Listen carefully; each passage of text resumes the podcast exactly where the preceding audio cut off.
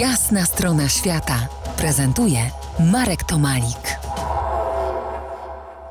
Kręcimy się po Bałtyku, ale nie na jachcie promie czy też statku wycieczkowym, ale specjalnie w specjalnie przygotowanych jednostkach pływających, wyposażonych w sprzęt najnowszej generacji do detekcji amunicji spoczywającej na dnie morza.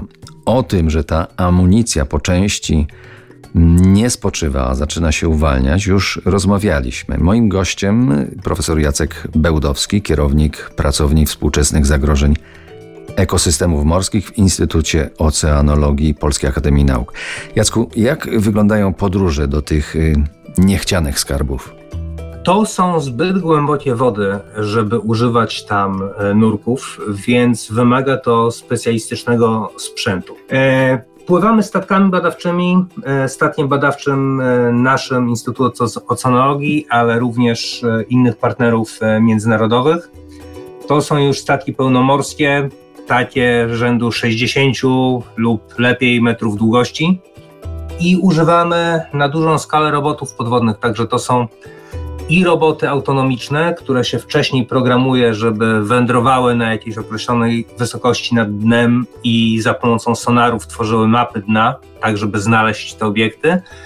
I już bardziej precyzyjnie robotami zdalnie sterowanymi na kablu, E, które są wyposażone w kamery, kamery akustyczne i szereg innych urządzeń, żeby obejrzeć to z bliska, zidentyfikować i również e, pobrać próbki. Natomiast jeżeli już jest pobieranie próbek, to tutaj już wchodzą w grę kombinezony przeciwchemiczne, maski gazowe, więc wygląda to bardzo malowniczo. Niedawno wróciłeś y, z Rygi, gdzie pracowaliście nad mapą drogową y, tych badań. Mapa drogowa na morzu? Tak, właśnie wróciłem ze szczytu Unii Europejskiej, gdzie przedstawiałem ten pomysł. Zgłosiliśmy to również y, do programu Interreg współpracy krajów Morza Bałtyckiego.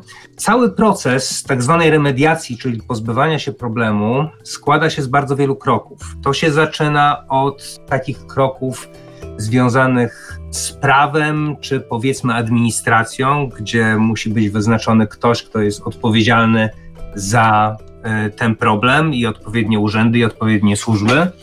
E, później trzeba to znaleźć, później trzeba oszacować, jakie jest ryzyko środowiskowe i przeprowadzić typowanie, które z tych obiektów trzeba jakoś zagospodarować, czyli na przykład wyciągnąć i zniszczyć, które trzeba monitorować. Później jest cały proces remediacji, czyli w tej chwili taką jedyną w zasadzie opcją jest wyciąganie tego w szczelnych pojemnikach i niszczenie na lądzie, a Poza tym trzeba to dalej monitorować, czy ten sposób remediacji przebiega w sposób przyjazny środowisku. Więc staramy się stworzyć taką mapę drogową, jak ten proces wygląda, jak powinien wyglądać, żeby pomóc krajom wpisać się e, na taki plan dłuższego zarządzania tą amunicją, no i określenia ich e, też potrzeb i wiedzy, której brakuje do tego procesu. Za kilkanaście minut zostawimy już tę amunicję. Niego na tam jest jeszcze jakiś czas na dnie Bałtyku,